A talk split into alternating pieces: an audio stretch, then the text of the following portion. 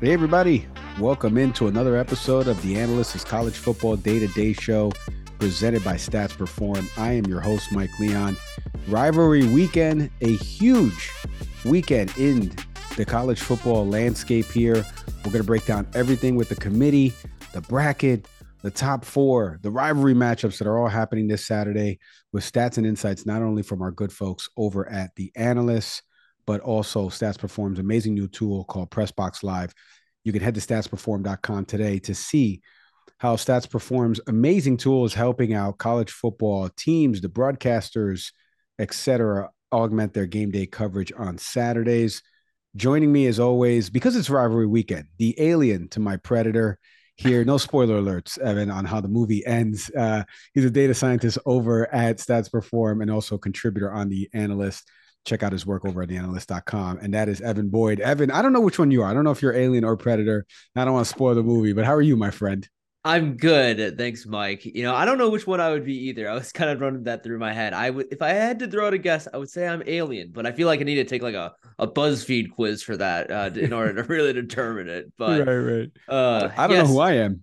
So. yeah, I don't know either. Yeah, well, if yeah. I'm alien, you gotta be predator. Right, so. right, right. Um, but hey, it's rivalry week. You know, we think that, you know, it culminates the end of college football, but hey, we still got a lot going on after it. But I love this week. I've always said as a Wisconsin Badger fan, no matter how the season goes, especially this season, uh, um, as long as they win the axe against Minnesota, it's a worthy season indeed. So I'm hoping they can get back of it because these rivalry games just mean something and anything can happen. It's just a wild, wild week. No, I agree. And by the way, Wisconsin playing for a lot too, because who knows how the Big Ten West will shake out. We'll get into that in a little bit. Uh, let's get into a few of these matchups because there are consequential ones that are huge happening across the landscape. And you know all of the names by now the Civil War, the Iron Bowl, right? The game, which is the first one we're going to get into here as Ohio State and Michigan meet for this two versus three matchup. Now, interest of full disclosure, we are taping this before the College Football Playoff Committee has released their latest bracket. So, as of this taping right now, Georgia is one, Ohio State is two, Michigan is three, and obviously TCU is four. We're going to get into TCU in a bit and their miraculous win with a field goal at the buzzer. Um, and obviously, Tennessee lost in that five spot. So we know some teams will be moving up. We'll get into some of those teams that will move up in a bit. But Ohio State and Michigan are meeting another installment here of the game. We know last year at Michigan, Michigan was able to win that game and win the Big Ten East, then heading to the Big Ten Championship, pummeling Iowa and heading over to the college football playoff. Ohio State this year, you know, eighth in total offense so far this season, a slight decline from last season's numbers, but they have the nation's number two scoring offense at 46 and a half points per game. There's some questions about Blake Corum with respect to his injury, as the as Michigan has the number four rushing offense in the nation. But who knows if he will be playing? He's a game time decision. There's been some uh, videos on social media of him uh, handing out turkeys before Thanksgiving with a little oh. bit of a oh. limp. So we'll see if that equates to hey maybe he will play or won't play. We'll see. Uh, a lot of speculation for Michigan fans there. Uh, Evan, uh, let's turn to you here. Uh, a huge matchup. Obviously, this is the game. This is what everybody plays for this is what the Big Ten is looking forward to having every year Ohio State and Michigan being the two perennial teams, and either one or both get a bid to the college football playoff. Who knows what happens if this game is a tight one, if one of them can sneak back in to get into that top four? But what are some of your assessments as you get uh, set to watch this game on Saturday?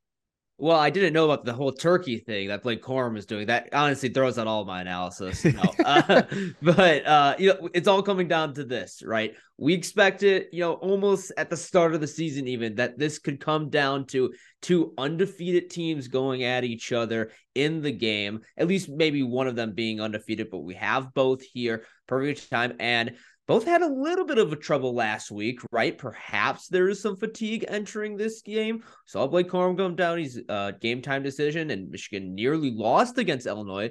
Kind of got a little lucky there towards the end. But the Illini are a really good team this year. I think they are a better team than people think. So I actually don't look, look at that as a bad win for Michigan per se. I think of it as just people don't realize how good Illinois is this year. Credit to Brett Bielema.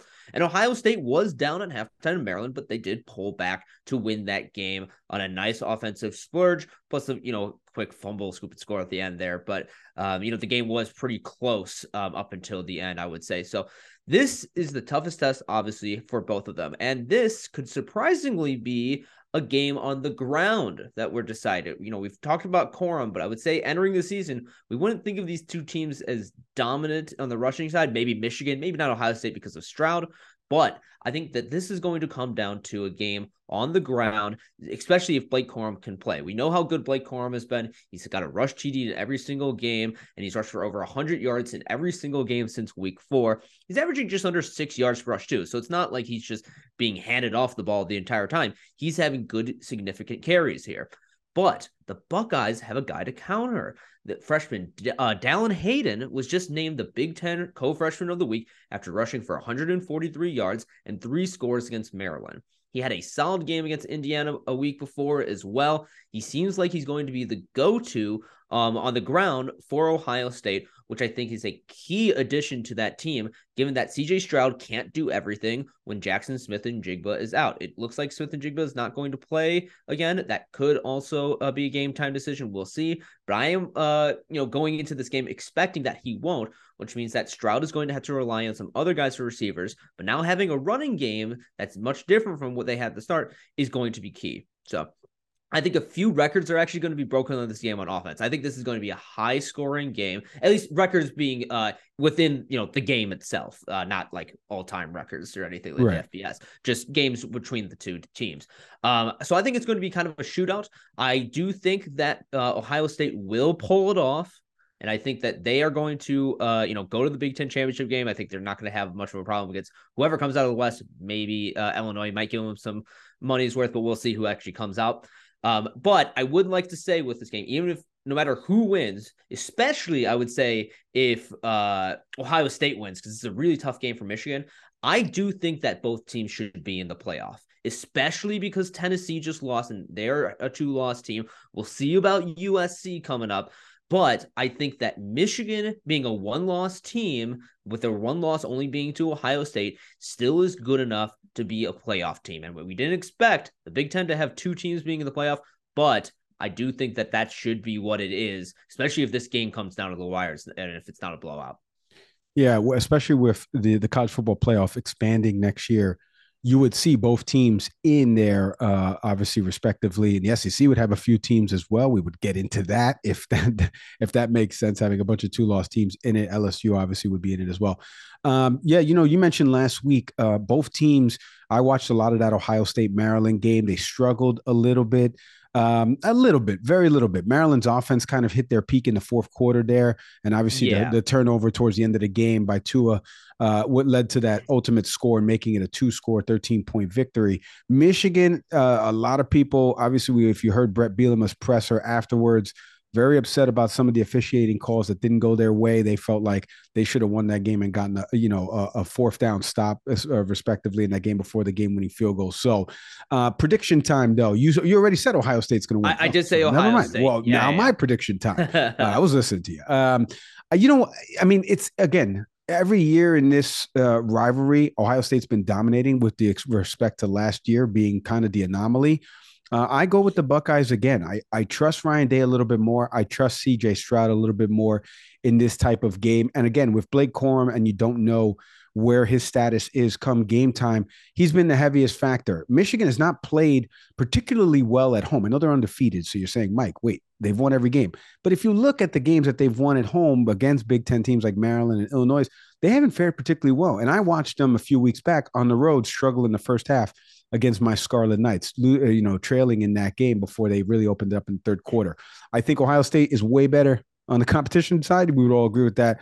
I like the Buckeyes as well. I don't know if I agree with you on them being one of the top four teams. I just think okay. we're going to get to TCU in a sec, but I think if everybody moves up, if everybody wins and Michigan does lose, and you have TCU and let's say USC, which we'll get into in a second, uh, beating a ranked Notre Dame team, which is pretty hot right now, I think all things considered, we'd have to see what happens with championship weekend with the SEC and Big Ten championships respectively. Um, but I, I don't know if Michigan can play their way back in.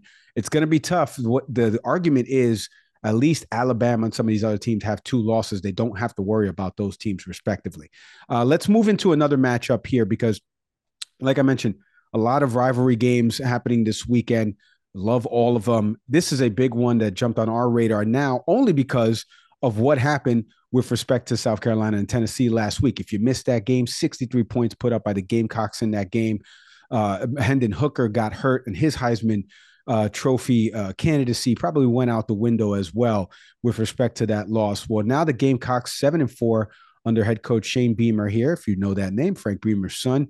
And now they head to one loss Clemson, another team that's sitting there. We've been talking about Clemson a lot this year, uh, whether or not they could get back into the playoff. I mean, they're sitting at nine right now, again, as of this taping. So who knows if they can jump a bunch of teams, but they will play in the ACC championship game against another ranked team. So maybe a chance for them to get an SEC win and another ACC ranked team, uh, another ACC ranked win, and jump into that conversation. Uh, Gamecocks versus the Tigers. I don't know the name of this rivalry, so apologies for those people out there listening in Columbia and and uh, uh, Clemson, respectively.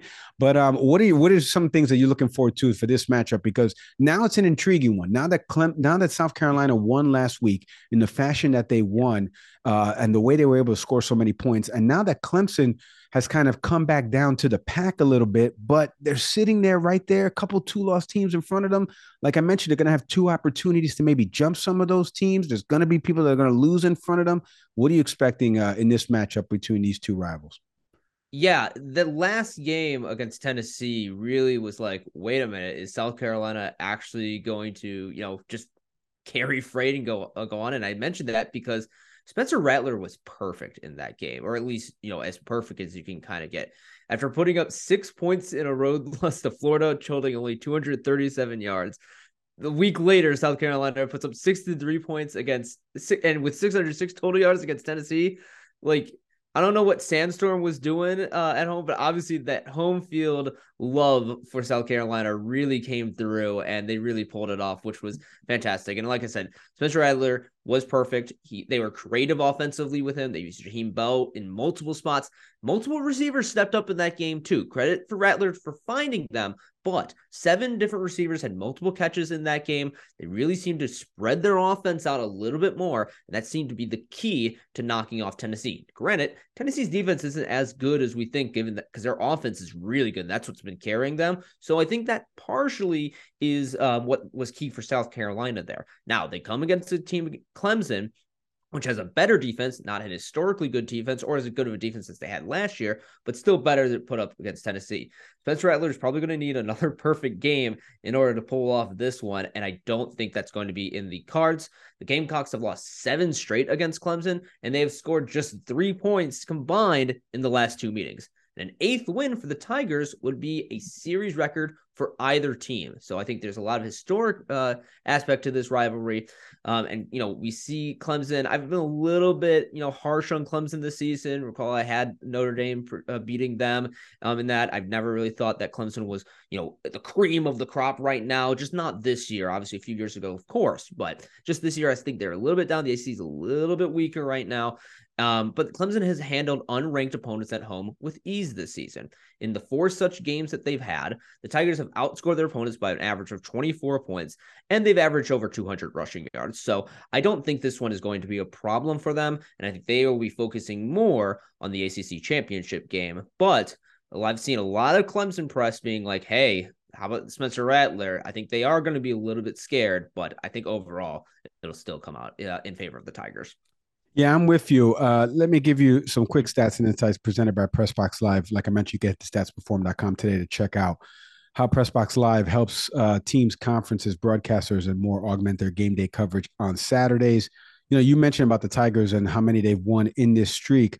I want to talk a little bit about Spencer Rattler because obviously last year Rattler not on the Gamecocks when they lost 30 to nothing. But Spencer Rattler has been an anomaly in the three meetings against top 50 defenses like Florida, Missouri, and Georgia.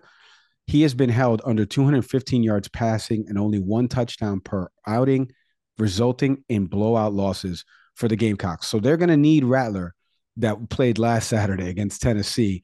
Uh, but I'm with you. I just think Clemson right now, especially Dabo Swinney, Dabo Swinney, excuse me, uh, late in November, understanding that they could potentially leapfrog a couple teams here. We're going to get into a few of them in a second that they could leapfrog if all things go right. Uh, we mentioned Ohio State and Michigan are already playing each other.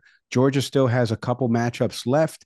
Uh, obviously, they play Georgia Tech this weekend, and they have LSU in the in the SEC championship game. So there's some teams that could still slip up.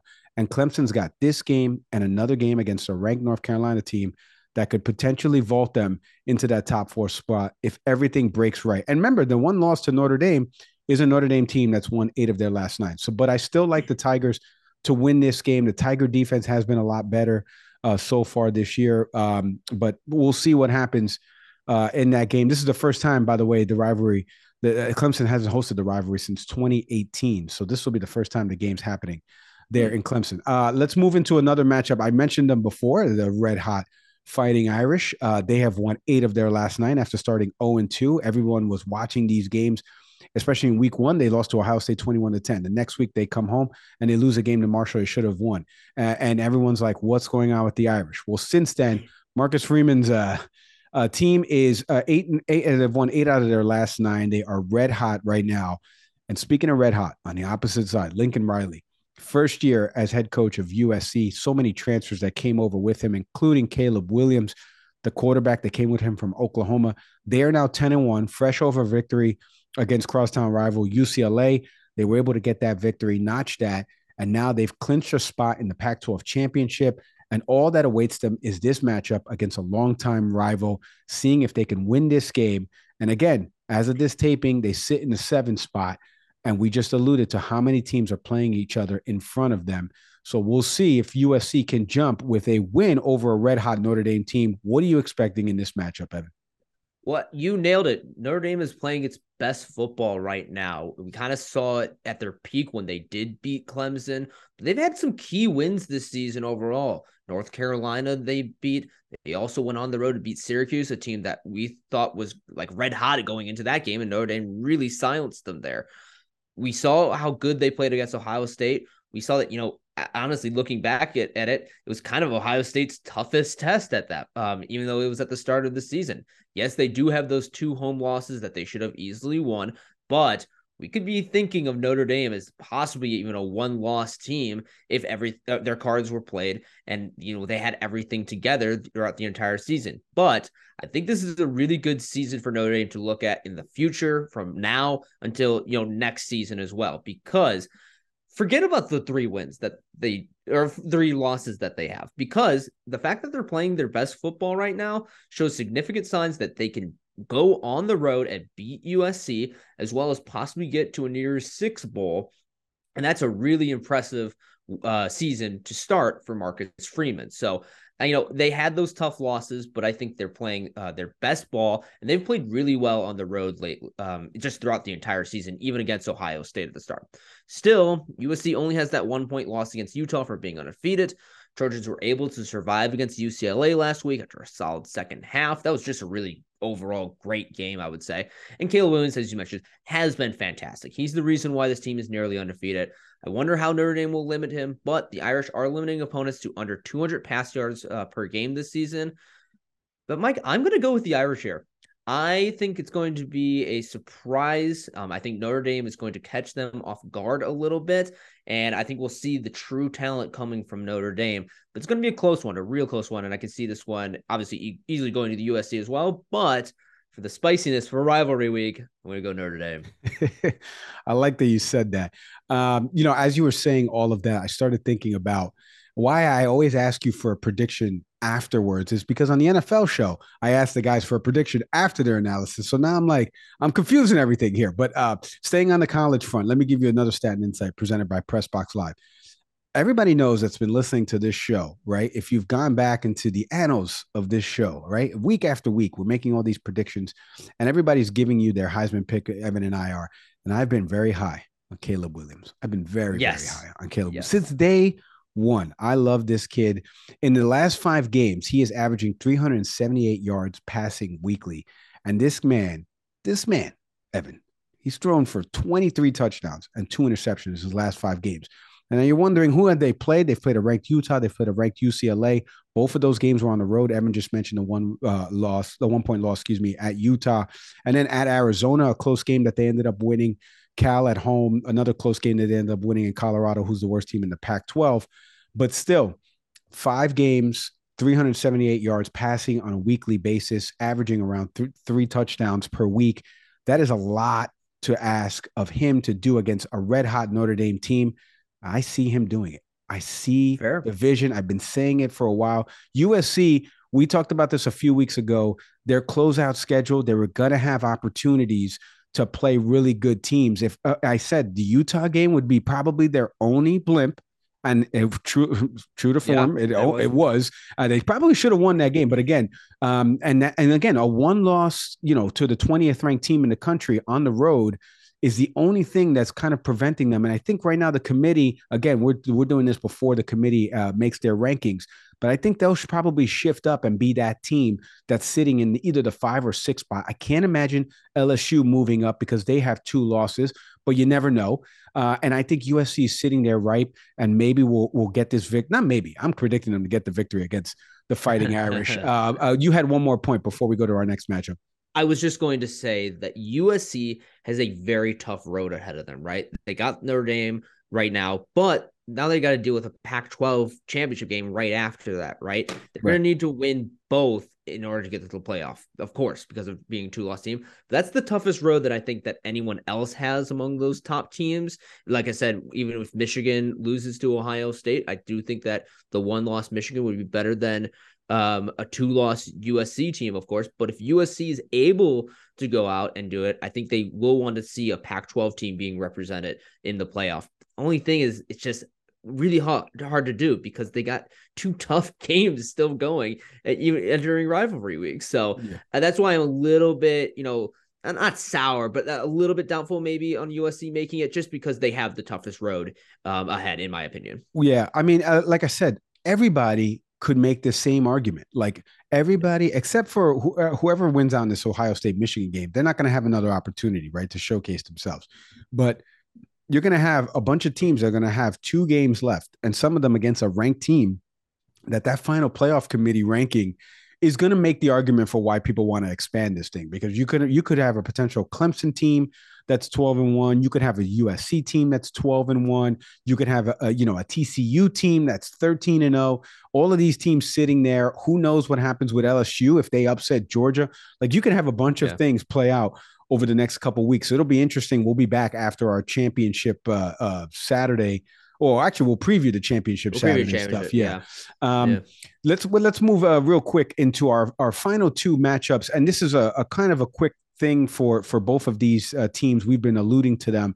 Georgia and TCU are both kind of doing the same thing this week, uh, except TCU and Iowa State is not a rivalry, but Georgia's playing Georgia Tech. Uh, they're a, a, team with a losing record, four and seven. TCU's at home playing a team with a losing record, four and seven. Both teams just went on the road and pulled out very close wins against two six and four teams that probably could have been better this year in Kentucky and Baylor, respectively. So Georgia and TCU are kind of doing the same thing. They're they're doing the same thing. They got decent quarterback play. They've got pretty decent defenses, and they're just happening to pull out games late right now. Although you would think Georgia would would start to compile victories, you know, at more of like a 35, you know, 10 yeah. rate, but they're not.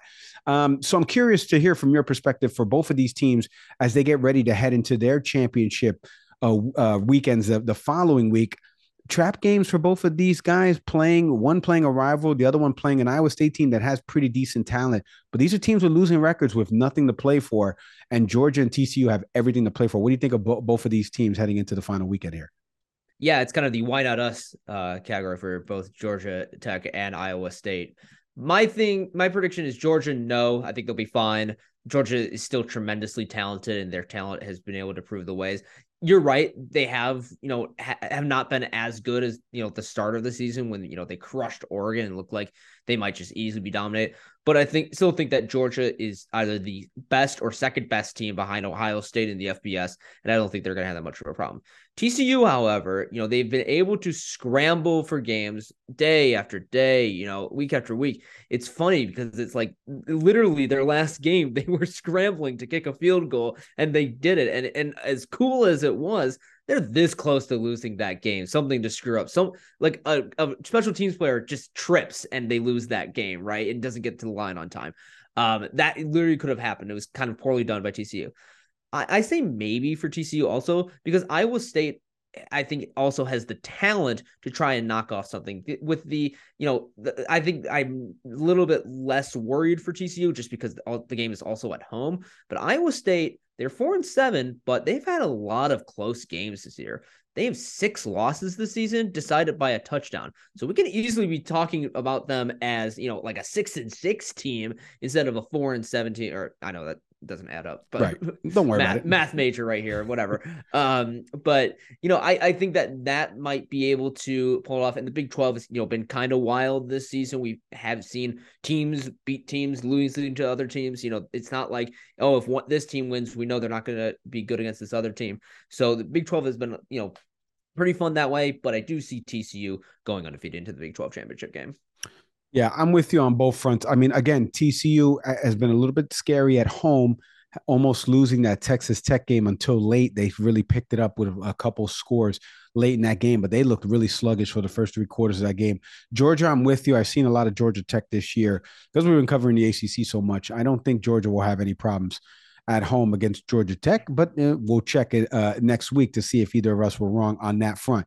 Uh, before we sign off here, the Heisman Trophy will be presented uh, in the first weekend of December.